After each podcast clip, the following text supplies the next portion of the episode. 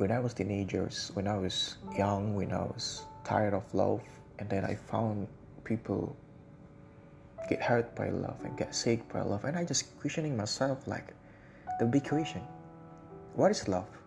What does it feels like? What does it look like? What does it taste, smells, and sounds like? Cause I don't know. What do we want so badly?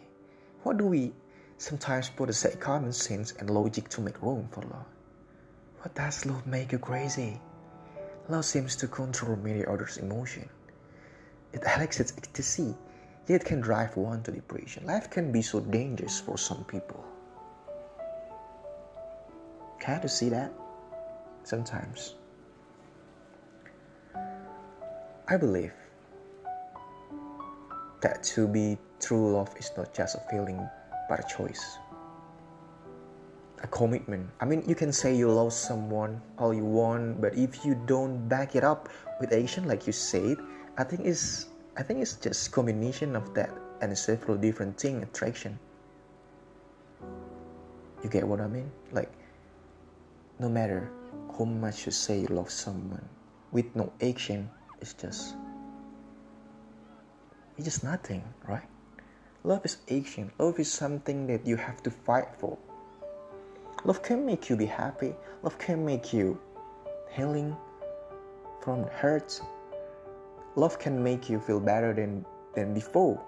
Then you can be happier than you before. Because love is beautiful for some people, but can be dangerous at the same time. And now when I grew up and I realized that life is no easier as it seems, but and love either. Love is not easy as it seems. When you fall in love to someone, when you when you feel like you you're gonna be happy with that one. But at the end you just find something that you really want to. It's not going as well as you thought and as you hope, and you become hopeless you have no reason to fall in love because you you can't even describe how you how you love someone because this is just feelings. You can't describe love with your words because it's complicated.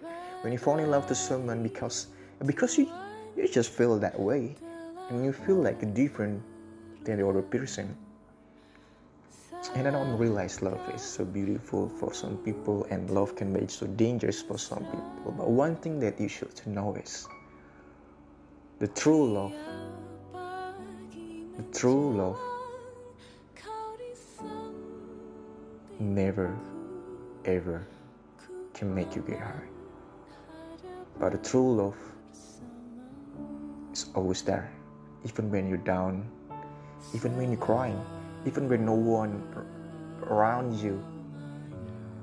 And it feels so warm even when it's cool.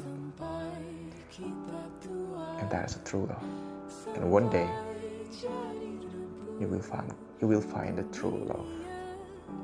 Once in your life. You're not gonna come for twice or a third time. Just once and i believe that